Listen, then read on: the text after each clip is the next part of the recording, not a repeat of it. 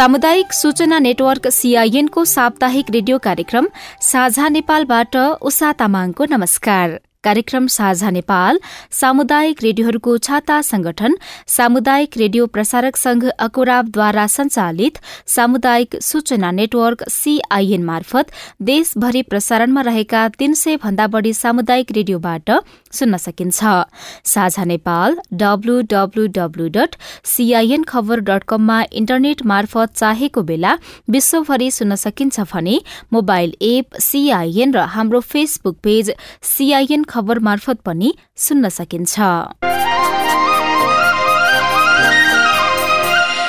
कार्यक्रम साझा नेपालको आजको अंकमा हामी लामटाङ राष्ट्रिय निकुञ्ज क्षेत्रमा देखा परेको जलवायु परिवर्तनको असर र समाधानका लागि गरिएको प्रयास अनि निकुञ्ज भ्रमणका लागि पुग्ने पर्यटकको अवस्थाबारे छलफल गर्नेछौं।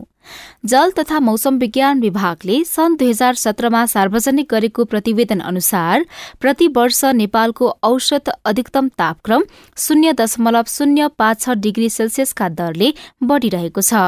तापक्रम बढ़दै जाँदा कृषि वन लगायत क्षेत्रमा विभिन्न परिवर्तन देखा परिरहेका छन्।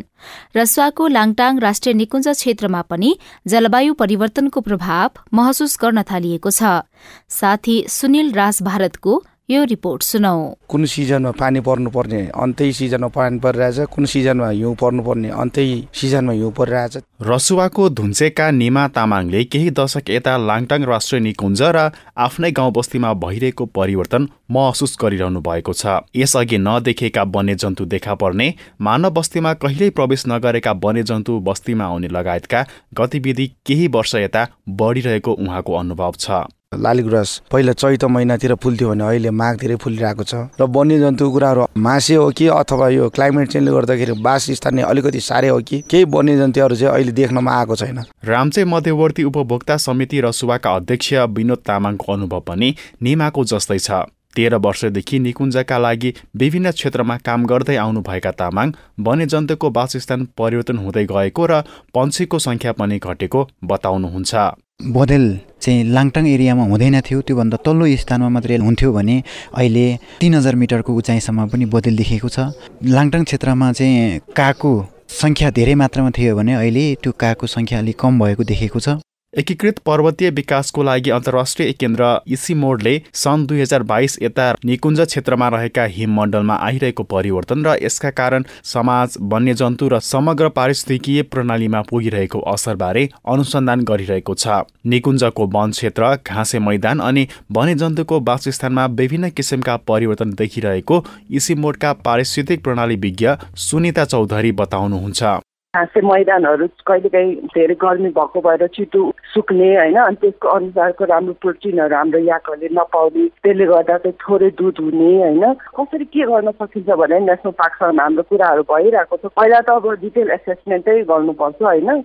जल तथा मौसम विज्ञान विभागका अनुसार तराई र पहाडको तुलनामा सबैभन्दा बढी उच्च हिमाली भूभागको तापक्रम वर्षेनी शून्य दशमलव शून्य आठ छ डिग्रीले बढिरहेको छ। तापक्रममा वृद्धि हुँदा वन्यजन्तु तथा पन्छीहरूको वासस्थानमा क्रमशः परिवर्तन आइरहेको छ। जसका कारण मानव वन्यजन्तु बीचको द्वन्द्व मात्र बढिरहेको छैन। कतिपय वन्यजन्तु र वनस्पति नै लोप हुने खतरा पनि बढ्दैछ। लामटाङ राष्ट्रिय निकुञ्ज क्षेत्रमा देखा परेको जलवायु परिवर्तनको प्रभाव बारेको रेडियो रिपोर्ट सुनिसकेपछि कार्यक्रम साझा नेपालमा तपाईँलाई पुनः स्वागत छ। हिमाली राष्ट्रिय निकुञ्जको रूपमा परिचित लाङटाङ राष्ट्रिय निकुञ्जको कार्यालय रसुवाका अनुसार निकुञ्ज क्षेत्रमा हिमालमा हिउँ पग्लिने क्रम बढ़िरहेको छ। जलवायु परिवर्तनको असर नै हिमाली क्षेत्रमा बढ़ी देखिएकाले निकुञ्ज थप प्रभावित बनेको छ। निकुञ्ज क्षेत्रमा समेत पाइने विश्वकै दुर्लभ हिउँ चितुवाको वासस्थान सन् दुई हजार पैंतिससम्म बीसदेखि पच्चीस प्रतिशतले घट्ने विभिन्न अध्ययनले देखाइसकेका छन्। सिन्धुपाल्चोक नुवाकोट र रसुवा जिल्लामा फैलिएको लामटाङ राष्ट्रिय निकुञ्ज भ्रमणका लागि स्वदेशी तथा विदेशी पर्यटकहरू पुग्ने गरेका छन्। लामटाङ राष्ट्रिय निकुञ्जको कार्यालय रसुवाका अनुसार चालु आर्थिक वर्षको साउनदेखि कार्तिकसम्ममा मात्रै चौध हजार भन्दा बढ़ी निकुञ्ज क्षेत्रमा भ्रमणमा गएका छन्। जलवायु परिवर्तनका कारण देखा परेका समस्या समाधानका लागि निकुञ्जले के गरिरहेको छ? पछिल्लो समय लामटाङ भ्रमण गर्ने पर्यटकको संख्या कस्तो छ? हामीले लामटाङ राष्ट्रिय निकुञ्ज कार्यालय रसुवाका प्रमुख प्रमोद भट्टराईसँग कुराकानी गरेका छौं। लामटाङ राष्ट्रिय निकुञ्ज भनेको काठमाडौँबाट सबैभन्दा नजिकको हिमाली राष्ट्रिय निकुञ्ज हो। त्यसैले गर्दाखेरि यो पर्यटकहरू काठमाडौँबाट छोटो दूरीमा पनि आएर हिमालको चाहिँ अवलोकन गर्न पाउने त्यस्तै गरी यहाँको रहेको पवित्र धार्मिक स्थल गोसाइकुण्ड चाहिँ भ्रमण गर्ने त्यहाँको चाहिँ एउटा चाहिँ धार्मिक हिसाबले त्यहाँ गएर जाने चाहिँ एउटा पर्यटकहरूको प्रमुख उद्देश्य रहन्छ।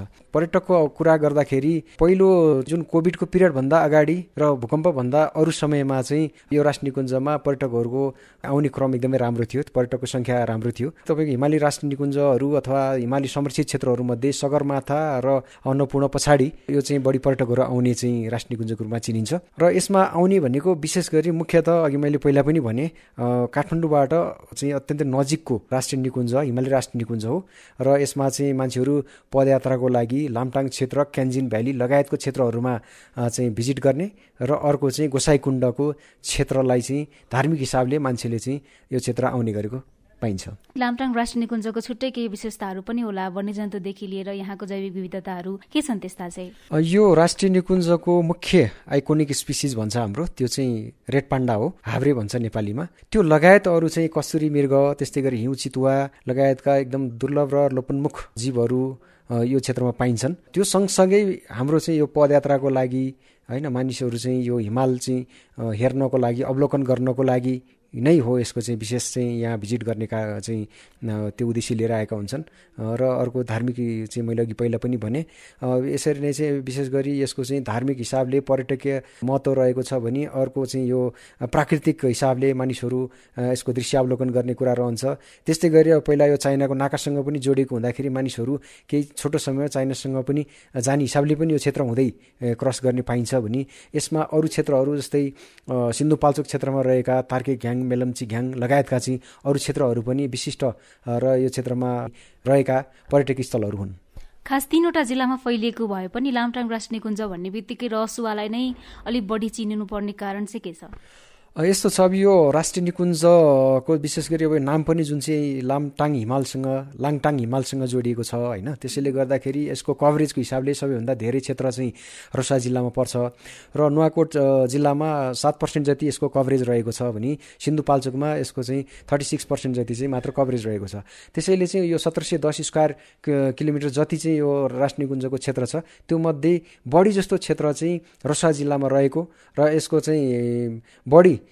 चाहिँ जनावरहरू जस्तै यो रेड पान्डा त्यस्तै गरेर चाहिँ स्नो लियोपार्ड त्यस्तै गरेर चाहिँ यो मक्स डियर लगायतका चाहिँ वन्यजन्तुहरू पाइने र वनस्पतिक हिसाबले पनि महत्त्वपूर्ण वनस्पतिहरू र हिमाल चाहिँ रहेको क्षेत्रहरू विशेष गरी पर्यटकहरू जाने भनेको लामटाङ चाहिँ हिमाल हेर्नको लागि र त्यो क्षेत्रमा रहेका साना साना पिकहरू चढ्नको लागि र क्यान्जिन भ्यालीमा चाहिँ मानिसहरूले चाहिँ जाने र त्यहाँको चाहिँ एउटा प्राकृतिक चाहिँ दृश्य अवलोकन गर्ने भावनाले अलिकति बढी चाहिँ यो चाहिँ रसुवा जिल्लासँग नै जोडिएको छ। लामटाङ राष्ट्रिय निकुञ्जमा घुम्ने हो भने अथवा अवलोकन गर्ने हो भने अथवा पदयात्रा गर्ने हो भनेदेखि स्वदेशी तथा विदेशी पर्यटकहरूको लागि चाहिँ के कस्तो किसिमको व्यवस्थाहरू रहेको छ र उनीहरूले पालना गर्नुपर्ने कुराहरू के के हुन आउँछन्? यस्तो छ अब हामीले पर्यटक पर्यटन प्रवर्धनको लागि भनेर विशेष गरी यो मुख्य मुख्य रुटहरू चाहिँ यहाँ रहेको लामटाङ रुट त्यस्तै गरी गोसाइकुण्ड रुट र उतापट्टिबाट हाम्रो कुटुम्साङतिरबाट सिन्धुपाल्चोको क्षेत्रबाट रहेका रुटहरूमा हामीले त्यहाँ चाहिँ हिँड्ने बाटोहरू पदमार्गहरूलाई मर्मत समार गर्ने चाहिँ त्यो पदमार्गहरूलाई चाहिँ व्यवस्थित गर्ने त्यस्तै गरी ठाउँ ठाउँमा उनीहरू बस्नको लागि चाहिँ थकान मेट्नको लागि रेस्टिङ प्लेसहरू चाहिँ चाहिँ विकास गरेका छौँ अथवा चाहिँ त्यो प्रवर्धन गरेका छौँ भने पर्यटकहरूले चाहिँ यो क्षेत्रमा भिजिट गर्नको लागि नेपालीले चाहिँ सय रुपियाँ चाहिँ उनीहरूले इन्ट्री फी तिर्नुपर्छ। सार्क मुलुककोले पन्ध्र सय रुपियाँ र विदेशी पर्यटकहरू अन्य नागरिकहरूले चाहिँ तिन हजार रुपियाँ चाहिँ उनीहरूले इन्ट्री फी तिर्नुपर्ने प्रावधान रहेको छ। र यो क्रममा उनीहरूलाई त्यस्तो केही समस्या परेमा हामीसँग कम्युनिकेसन गरेर हाम्रो चाहिँ अब यहाँ चाहिँ खालि निकुञ्ज मात्र नभइकन निकुञ्ज सुरक्षार्थ खटिएको नेपाली सेना पनि रहेको छ। नेपाली सेना निकुञ्ज र हाम्रो यहाँको स्थानीय मध्यवर्ती क्षेत्रका चाहिँ हाम्रो चाहिँ समितिहरू छन्। सबैले चाहिँ यसलाई चाहिँ उनीहरूलाई अप्ठ्यारो पर्दाखेरि सहज रूपमा उनीहरूलाई चाहिँ रेस्क्यु गर्ने र अर्को चाहिँ उनीहरूलाई चाहिँ यो क्षेत्रमा होमस्टेहरू पनि सञ्चालन भएको छ हाम्रो बफर जोन क्षेत्रहरूमा। त्यो मार्फत चाहिँ उनीहरूलाई फरक फरक खालको जस्तै अब कोही होमस्टेमा बस्न चाहनेहरूलाई होमस्टे खालको चाहिँ हाम्रो सर्भिस प्रोभाइड गर्ने छ भने अरू चाहिँ क्षेत्रमा अब राष्ट्रिय निकुञ्ज क्षेत्रमा व्यक्तिका चाहिँ आफ्ना होटलहरू पनि छन् भने निकुञ्जका पनि केही चाहिँ होटलहरू व्यवस्था गरेको छ जसले गर्दा उनीहरूलाई खान बस्न आउनको लागि र हिँड्नको लागि त्यस्तै गरेर चाहिँ बाटोमा समस्या पऱ्यो भने हामीसँग कम्युनिकेसन गरेर उनीहरूलाई चाहिँ उचित किसिमबाट व्यवस्थापन गर्ने काम हामीले गरेका छौँ। स्थापना कालदेखि अहिलेसम्मको तुलना गर्ने हो भनेदेखि पदयात्राको लागि होस् या फेरि लामटाङ राष्ट्रिय निकुञ्ज भ्रमण गर्नेहरूको लागि तपाईँहरूले के कस्ता कुराहरूलाई चाहिँ सुधार गर्न सक्नुभयो भनेर भन्न सक्ने कुराहरू त्यस्ता केही छन्? होइन यस्तो छ। अब यो सुरुको स्थापना कालदेखि अहिलेको कुरा गर्दाखेरि चाहिँ अब सुरुको स्थापना कालमा हाम्रो चाहिँ अब यो क्षेत्रमा बस्नको लागि उचित खालको चाहिँ होटलहरूको विकास भएको थिएन। त्यस्तै गरेर लामटाङ राष्ट्रिय निकुञ्जले पनि के गर्यो भने निकुञ्जले चाहिँ हाम्रो निकुञ्ज क्षेत्रमै चाहिँ तपाईँको यो होटेल चिया पसलहरू चाहिँ हामीले चाहिँ टेन्डर मार्फत चाहिँ विभिन्न यहाँको स्थानीय समुदायहरूले सञ्चालन गरेका छन् जसले गर्दाखेरि चाहिँ पर्यटकहरूले आफूलाई आवश्यक पर्ने सुविधाहरू त्योबाट लिन पाउनुभएको छ। त्यस्तै गरेर अब अघिल्लो समयमा भन्दा अहिले पछिल्लो समयमा चाहिँ हाम्रो चाहिँ यो पर्यटन पदमार्गहरू चाहिँ व्यवस्थित भएको छ। त्यस्तै गरेर चाहिँ उनीहरू हिँड्दाखेरि थकान लाग्दाखेरि बस्नको लागि रेस्टिङ प्लेसहरू हाम्रो चाहिँ व्यवस्थित भएको छ। त्यस्तै गरी इन्फर्मेसन सेन्टरको हामीले अलिकति विकास गरेका छौँ जसले गर्दाखेरि उनीहरूले कुन रुटमा कसरी जाने र केही समस्या पर्ने कसलाई सम्पर्क गर्ने लगायतका कुराहरूले हामीले चाहिँ व्यवस्थित गर्दै लगेका छौँ। वन जङ्गल बढी भएको हुनाले गर्दाखेरि चाहिँ हिँड्ने क्रममा कुनै पनि किसिमको स्वास्थ्य समस्या होस् या फेरि वन्यजन्तुहरूले आक्रमण गर्नेदेखि लिएर अन्य कुराहरू पनि आउन सक्लान् यात्रामा। त्यस्तो क्रममा चाहिँ कसरी उनीहरूको उद्धार हुन्छ अथवा उनीहरूले कसलाई सम्पर्क गर्ने भन्ने कुरा अथवा आफ्नो सुरक्षाको ग्यारेन्टी चाहिँ निकुञ्जले गरेको छ कि छैन? धेरै जस्तो चाहिँ मेजर रुटहरू छ। रुटमा त्यस्तो धेरै अहिलेसम्म त्यस्तो घटनाहरू घटेको चाहिँ छैन वन्यजन्तुकोबाट आक्रमण भएको होइन। किनभने त्यो रुटमा हाम्रो अलिकति चाहिँ ठाउँ ठाउँमा होटेलहरू हाम्रो चाहिँ आफ्नै निकुञ्जका पनि पोस्टहरू सम्पर्क अफिसहरू छन्। त्यस्तै गरेर हाम्रो चाहिँ अब निकुञ्ज सुरक्षार्थ खटिएको आर्मीको पोस्टहरू पनि छ। त्यो क्रममा उहाँहरूलाई कुनै समस्या पऱ्यो भने हाम्रो नजिकको पोस्टलाई त्यस्तै गरेर हाम्रो चाहिँ त्यहाँ मध्यवर्ती उपभोक्ता समितिका चाहिँ पदाधिकारीहरू उहाँहरूको अफिसहरू छ जसले गर्दा उहाँहरूले चाहिँ त्यस्तो खालको इन्फर्मेसन अथवा केही समस्या परेमा सहज रूपले उहाँहरूले खबर गर्न सक्नुहुन्छ र खबर गर्दाखेरि हामीले चाहिँ त्यो रेस्क्यु गर्ने उहाँहरूलाई उद्धार गर्ने कामहरू गरेका छौँ र सूचनाको लागि अब हाम्रै राष्ट्रिय निकुञ्जमा पनि सूचना अधिकारी भनेर हामीले तोकिएको छ। जुन नम्बरमा उहाँहरूले जति बेला पनि सम्पर्क गर्न सक्नुहुन्छ र त्यस्तो समस्या पर्दाखेरि हामीले चाहिँ नेपाल आर्मी या निकुञ्ज सुरक्षार्थ खटिएको नेपाल आर्मी अब निकुञ्ज चाहिँ कार्यालयको चाहिँ हाम्रो कर्मचारी त्यस्तै गरी मध्यवर्ती समूहका पदाधिकारीहरू समितिका पदाधिकारीहरूसँग हामीले चाहिँ कोर्डिनेसन गरेर काम गरेका छौँ र कहिलेकाहीँ त्यस्तो समस्या परेको अवस्थामा यस जिल्लामा खटिएको नेपाल प्रहरीले पनि हामीलाई सहयोग गरेको छ। उहाँहरूले पनि यस्ता चाहिँ समस्या परेका पर्यटकहरूलाई उद्धार गर्ने र चाहिँ उहाँहरूलाई कसरी हुन्छ चाहिँ एकदम सुरक्षित ठाउँमा पुर्याउने कामहरू उहाँहरूले गर्नु हामीले गरेका छौँ। कुनै पनि आयोजनाहरू सञ्चालन गर्दाखेरि सबैभन्दा पहिला त्यहाँको स्थानीय समुदाय नै हुन्छ होइन? त्यसो भएको हुनाले गर्दा यहाँको अधिकांश भूभाग चाहिँ राष्ट्रिय निकुञ्ज क्षेत्रभित्र समेटिँदै गर्दा यहाँको स्थानीयवासीको लागि भनेर तपाईँहरूले के के व्यवस्थाहरू चाहिँ गरिदिनु भएको छ अहिलेसम्म? यस्तो छ अब अहिले पछिल्लो समयमा आएर कुनै पनि निकुञ्ज अथवा संरक्षित क्षेत्रहरूको चाहिँ अहिलेको वर्किङ मोडालिटी भनेको स्थानीय समुदायहरूसँगै सहकार्य गरेर गर्ने भन्ने उद्देश्यले नेपाल सरकारले चाहिँ मध्यवर्ती क्षेत्र चाहिँ कार्यक्रम चाहिँ लागू गरेको छ। र त्यो अनुसार हाम्रो यो क्षेत्रमा पनि भित्रभित्र पनि निकुञ्जको कोर एरियामा पनि उपभोक्ताहरूको अथवा चाहिँ स्थानीय चाहिँ जनसमुदायको बसोबास रहेको क्षेत्रहरू छ। त्यसैले गर्दाखेरि हामीले चाहिँ यो हाम्रो राष्ट्र निकुञ्ज साथसाथै यसको मध्यवर्ती क्षेत्र भनेर यसको वरपरका र भित्रका बस्तीहरूलाई समेट समेटेर हाम्रो एक्काइसवटा समितिहरू गठन भएको छ।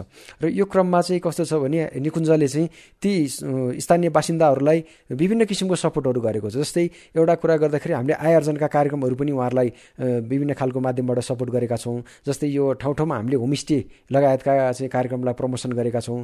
त्यस्तै आय आर्जनका कार्यक्रमहरू उहाँको चाहिँ खेतीपातीका अथवा चाहिँ नयाँ खालका आधुनिक चाहिँ वन्यजन्तुले चाहिँ कम असर गर्ने खालका चाहिँ खेतीहरू लगाउनको लागि। त्यस्तै गरेर माछा पालनका कुराहरू लगायतका चाहिँ विभिन्न सुधार सुधारिएको गोठहरू बनाउने लगायतका कामहरूमा सपोर्ट गरेका छौँ भने उहाँहरूलाई वन्यजन्तुबाट आक्रमण भएको अवस्थामा हामीले सहज रूपमा चाहिँ उहाँहरूलाई राहत वितरण गर्ने र वन्यजन्तुबाट आक्रमण नहोस् भन्नको लागि हामीले चाहिँ मेषजालीसहितको तारबार भनेको जङ्गलबाट जनावर बस्तीमा नहोस् भन्ने उद्देश्यले हामीले चाहिँ मेषजालीसहितको तारबार लगाउने कामहरू पनि गरेका छौँ। त्यस्तै गरेर उहाँहरूको आय आर्जनका कुराहरू अनि प्रचार प्रसारका कुराहरू लगायतका चाहिँ हामीले उहाँहरूको संस्थागत विकासका कामहरूमा पनि यो चाहिँ निकुञ्जले सहयोग गरेको छ। र नेपाल सरकारको चाहिँ प्रावधान अनुसार के छ भने यो राष्ट्रिय निकुञ्जले आम्दानी गरेको तिसदेखि पचास पर्सेन्टसम्म रकम चाहिँ पुनः फेरि यो चाहिँ हाम्रो मध्यवर्ती क्षेत्रमा चाहिँ कार्यक्रम मार्फत आउने कार्यक्रम रहेको छ।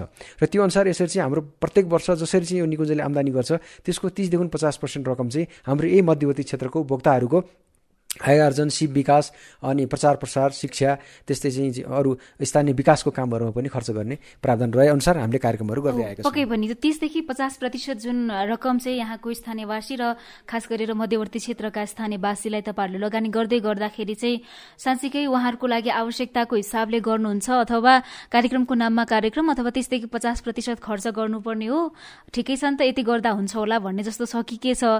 यसमा स्थानीयवासीको तर्फबाट कस्ता किसिमका मागहरू आउँछन् के चाहिँ उहाँहरू चाहन्छन् भन्ने कुराहरूलाई तपाईँहरूले कतिको विचार पुर्याउनु भएको छ? यसमा यस्तो छ हाम्रो चाहिँ यो गाइडलाइन नै छ होइन? यो हाम्रो चाहिँ मध्यवर्ती क्षेत्र चाहिँ मा गर्ने सञ्चालन गर्ने कार्यक्रमको सम्बन्धमा हाम्रो नेपाल सरकारले तोकेको गाइडलाइन छ। जस्तै उहाँहरूको आय आर्जनको मा यति पर्सेन्ट खर्च गर्नुपर्ने त्यस्तै सिप विकासमा यति गर्नुपर्ने त्यस्तै गरेर चाहिँ स्थानीय विकासमा यति गर्नुपर्ने त्यस्तै गरेर चाहिँ हाम्रो प्रचार प्रसार र कार्यालय सञ्चालन भनेर सबै क्याटेगोराइज गरेको छ।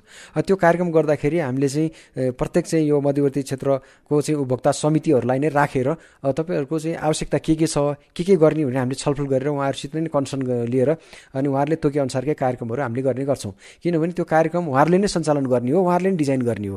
त्यसमा हाम्रो खासै चाहिँ त्यो एउटा चाहिँ सपोर्टिभ रोल मात्र हो। उहाँहरूलाई फेसिलिटेसन मात्र गर्ने हो। त्यो कार्यक्रम बनाउने र त्यसलाई कार्यान्वयन गर्ने पनि उहाँहरूकै जिम्मा हुन्छ। त्यसैले गर्दाखेरि कार्यक्रमलाई कार्यक्रम नभइकन उहाँहरूको निड अनुसार उहाँहरूको डिमान्ड अनुसार हामीले कार्यक्रमहरू तय गर्छौँ र त्यो अनुसार सञ्चालन गर्छौँ। निकुञ्ज बनाएपछि संरक्षण क्षेत्रहरू बनाइसके पछाडि चाहिँ स्थानीयवासीले जसरी जल जमिनको प्रयोग गर्न पाउँथे त्यो हिसाबले पाउँछ पाउँदैनन् होइन?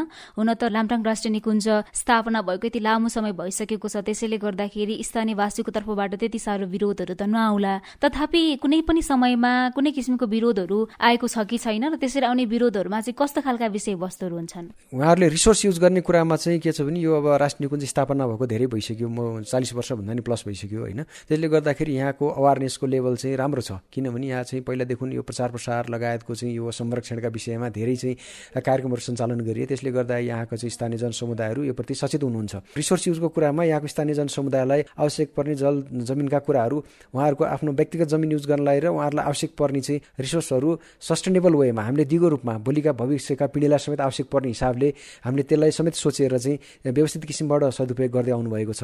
र अहिले पछिल्लो समयमा आएर के छ भने विकासको चाहिँ क्रम चाहिँ कतिपय कुरा के हुन्छ भने अहिलेको समयको माग अनुसार होइन अहिलेको चाहिँ अब यो नयाँ चाहिँ हाम्रो नेपाल चाहिँ संहितामा गए अनुसार होइन स्थानीय चाहिँ सरकारबाट सञ्चालन हुने आखिर चाहिँ त्यहाँ चाहिँ विकासका कार्यक्रमहरू अगाडि बढिरहेको छ। त्यो क्रममा चाहिँ केही कुराहरू बाटोघाटो बनाउने कुराहरूमा अलिकति चाहिँ हामीलाई कन्फ्लिक्टिङ जस्तो देखिन्छ। तर त्यो पनि के छ भने सर्टेन प्रक्रिया पुरा गऱ्यो भने नपाउने भन्ने होइन। तर चाहिँ उहाँहरूको डिमान्ड अलिकति बढी छ। अहिले कस्तो भयो भने विकासको क्रमसँगै हरेक व्यक्तिको घर घरमा बाटो पुग्नुपर्छ भन्ने जस्तो कुराहरू आएको छ। जसले गर्दाखेरि चाहिँ यो अलिकति यो विकास र यो चाहिँ संरक्षणमा केही कुराहरू अलिकति चाहिँ हामीले म्यानेज गर्दै अगाडि बढ्नुपर्ने छ। किनभने धेरै डिमान्ड चाहिँ विकास विकासका कुराहरू छन् बाटो निर्माणका कुराहरू छन् होइन? अब बाटो जङ्गलबाट बनाउँदाखेरि पक्कै पनि क्षति हुन्छ। त्यो कुरालाई चाहिँ हामीले न्यून मात्रामा क्षति गरेर उहाँहरूको विकासलाई नै सम्बोधन गर्नुपर्ने भाव हुनाले त्यसलाई चाहिँ अलिकति एड्रेस गर्न अलिकति अहिले पछिल्लो समयमा केही कुराहरू हाम्रो च्यालेन्जिङ नै छ। अब यो त भयो स्थानीयवासीसँग स्थानीयवासीको निकुञ्जसँगको अपेक्षा। खास गरेर हामीले प्रचार प्रसार नगर्दाखेरि पर्यटकै नआउने सम्भावना। प्रचार प्रसार गरिदियो भनेदेखि हामीसँग जे जति वन्यजन्तु अथवा बान्य अन्य जैविक विविधताहरू छन् तिनीहरू फेरि खतरामा पर्ने सङ्केत सम्भावना पनि हुन्छ। त्यसैले गर्दाखेरि सबैभन्दा पहिला चाहिँ म जो भिजिट गर्न आउनुहुन्छ अथवा भ्रमण गर्न आउनुहुन्छ उहाँहरूबाट त्यस्ता किसिमका आपराधिक गतिविधि नहोस् भन्नको लागि चाहिँ कस्तो किसिमको सचेतना बनाइएको छ? अब यस्तो छ अब यो एउटा त हामीले रेडियो एफएम मार्फत पनि रेगुलर हामीले कार्यक्रमहरू प्रचार प्रसार कार्यक्रमहरू गरेका छौँ होइन? यो क्षेत्रमा सञ्चालन हुने। त्यस्तै गरेर राष्ट्रिय स्तरमा पनि हाम्रो विभागले होइन यो खालको संरक्षणमुखी कार्यक्रमहरू सञ्चालन गरिरहेको छ। र अर्को कुरा चाहिँ हामीले पर्यटकहरूलाई यो क्षेत्रमा भिजिट गर्दा उहाँहरूलाई हाम्रो चेक पोइन्टमै अलिकति सजग किसिमबाट त्यो चाहिँ के गरेका छौँ भने ब्रोसियर दिने र उहाँहरूलाई केही कुराहरू बताउने पनि गरेका छौँ भने हामीले ठाउँ ठाउँमा निकुञ्जको चाहिँ इन्ट्री पोइन्टदेखि लिएर हरेक ठाउँ ठाउँमा चाहिँ हामीले यो अवेरनेसका साइनेजहरू पनि राख्ने गरेका छौँ। जसले गर्दाखेरि चाहिँ अब यो राष्ट्रिय निकुञ्ज क्षेत्रमा के के गर्न पाइँदैन के गरेमा के दण्ड सजाय हुन्छ भन्ने खालको चाहिँ म्यासेज दिने खालका हामीले ठाउँ ठाउँमा चाहिँ यो साइनेजहरू प्रचार प्रसारका चाहिँ मिडियाका माध्यमहरू हामीले प्रयोग गरेका छौँ। अब कतिपय अवस्थामा चाहिँ मान्छेहरूलाई जस्तो रेड पान्डाको छाला बेच्यो भने करोडौँ आउँछ अरे भनेको सुनेको आधारमा सालको खपडा बेच्यो भने नि करोडौँ आउँछ अरे भनेको आधारमा। यस्तो सुनेको भरमा र कतिपय अवस्थामा त सायद सत्य पनि हुनसक्छ। त्यसैले र लोपनमुखको सूचीमा र अति लोपनमुखको सूचीमा भए बापत वन्यजन्तुहरू मारिन्छ। त्यसले गर्दाखेरि चाहिँ पछिल्लो केही वर्ष यता लामटाङ राष्ट्रिय निकुञ्जमा वन्यजन्तु चोरी सिकारीको अवस्था चाहिँ कस्तो छ? अहिले पछिल्लो समयमा हेर्दाखेरि चोरी सिकारीको घटनाहरू चाहिँ एकदम कम देखिन्छ होइन? त्यसमा दुई तिनवटा कुराहरू छन्। एउटा चाहिँ अब हामीले पहिला चाहिँ जुन घटनाहरू भए त्यसलाई चाहिँ हामीले चाहिँ अब कानुनी कारवाही गरियो दण्ड सजाय गरियो र होइन त्यसको त्यो बापतको चाहिँ जेल सजायका कुराहरू छन्। त्यो कुराहरूले पनि प्रचार प्रसार भयो र यसरी चाहिँ दण्ड सजाय हुँदो रहेछ भन्ने एउटा चाहिँ पाटो रहन्छ भने अर्को चाहिँ हाम्रो चाहिँ चेकपोस्टमा एकदम डिटेल रूपमा हामीले चेक गर्छौँ।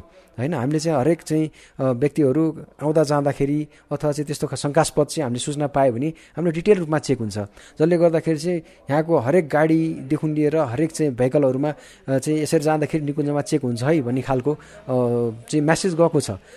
मैले पछिल्लो समय पनि हामीले एक दुईवटा सानो घटनाहरू पनि हामीले के भन्दाखेरि गाडीवालालाई समेत कारवाही हुने भावनाले गाडीवालालाई पनि सचेत गराउनलाई हामीले त्यो खालको चाहिँ प्रचार प्रसार पनि गरेका छौँ। र अर्को कुरा चाहिँ यो रुटमा चल्ने भनेको रेगुलर चलिरहने गाडीहरू छन् जसका चाहिँ प्रायः जस्तो सबै व्यक्तिलाई यो राष्ट्रिय निकुञ्ज क्षेत्र हो। यहाँ चाहिँ कुनै पनि चिज अवैधानिक चिजहरू अथवा वन्यजन्तुका चाहिँ अङ्ग प्रत्यङ्गहरू हामीले ओसार पसार गरेको खण्डमा त्यो व्यक्ति मात्र कारवाही हुँदैन कि गाडीलाई पनि समेत समस्या पर्छ भन्ने हिसाबले उहाँहरूलाई सचेत बनाउने हिसाबले हामीले त्यो खालको चाहिँ चेक गर्ने अवेरनेसका कामहरू पनि गरेका छौँ। त्यसैले गर्दाखेरि अब ओभरअल चाहिँ यो चाहिँ ठुल्ठुलो घटनाहरूमा पनि अब मान्छे समातेर लामो समयसम्म चाहिँ उसले चाहिँ जेल सजाय भोग्नु परेको र चाहिँ धेरै मात्रामा चाहिँ उसको चाहिँ आर्थिक चाहिँ जरिवाना तिर्नु परेको पैसा चाहिँ तिर्नु परेको लगायतका कारणले कुराहरू प्रचार प्रसार चाहिँ राम्रो भएको कारणले गर्दाखेरि अहिले पछिल्लो समयमा यो घटनाहरू घटेको घट्ने क्रम चाहिँ एकदम कम छ भन्ने मलाई लाग्छ। तपाईँहरूको कार्यालय नजिकै एउटा थुनुवा घर देख्न सकिन्छ। त्यो थुनुवा घर पछिल्लो समय रिक्त नै रहन्छ हो। त्यो अब केसहरू त्यसरी नआउँदाखेरि त रिक्त नै छ। भन्नाले अब थुनुवा घर खाली हुँदाखेरि पनि खुसी हुनुपर्ने अवस्था नै छ भनौँ न। होइन यस्तो अब हामीले संरक्षण गर्दाखेरि सकेसम्म मानिसलाई पनि समातेर थुन्न नपरोस् वन्यजन्तु पनि नमरोस् भन्ने हो हाम्रो उद्देश्य होइन?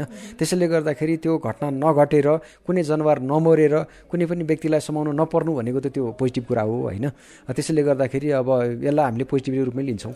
कतिपय अवस्थामा चाहिँ जस्तो देशभरका संरक्षण क्षेत्र अथवा वन क्षेत्रको कुरा गर्दाखेरि कतिपय अवस्थामा वन्यजन्तुको छाला अथवा अखेटो पहाड लगायतबाट समातेर ल्याउने र कारवाही चला गर्नको लागि चाहिँ सम्बन्धित कार्यालयमा बुझाउने। र पछि अनुसन्धानको क्रममा हेर्दै जाँदाखेरि र अनुसन्धान हुँदै जाँदाखेरि चाहिँ जे भनेर समायो त्यो होइन भनेर प्रतिवेदनहरू तयार पार्ने लगायतका गतिविधिहरू अथवा यो खालको विकृतिहरू पनि देखिन्थ्यो।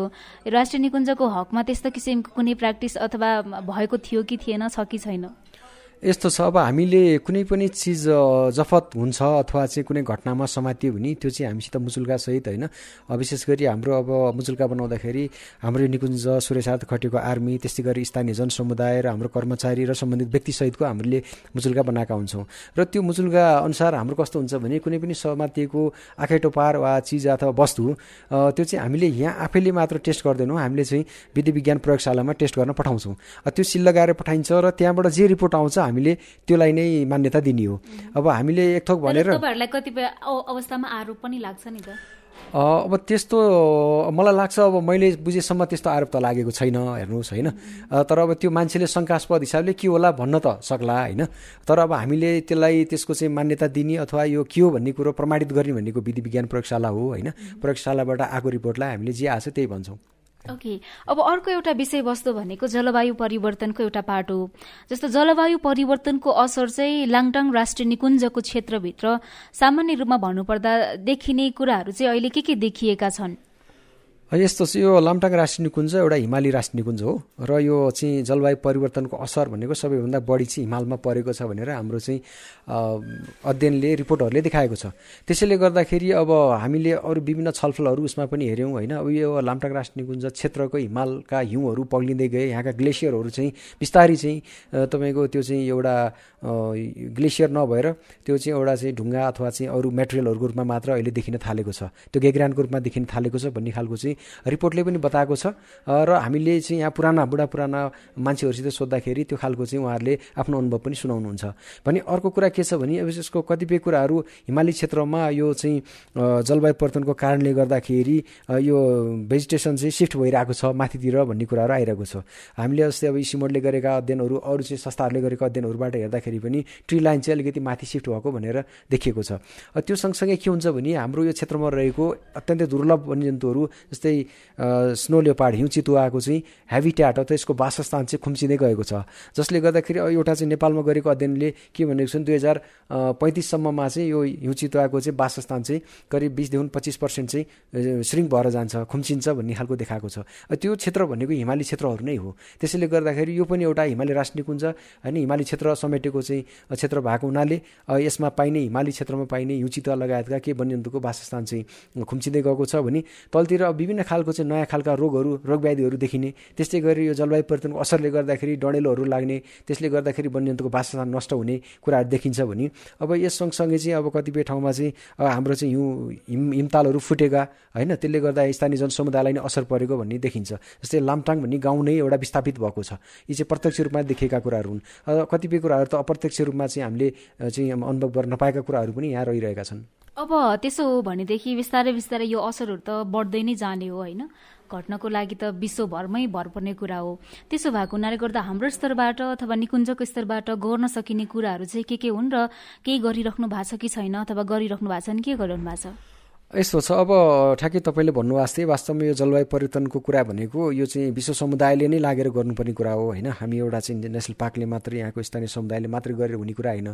त्यसो भन्दैमा हामीले केही पनि नगर्ने भन्ने पनि होइन।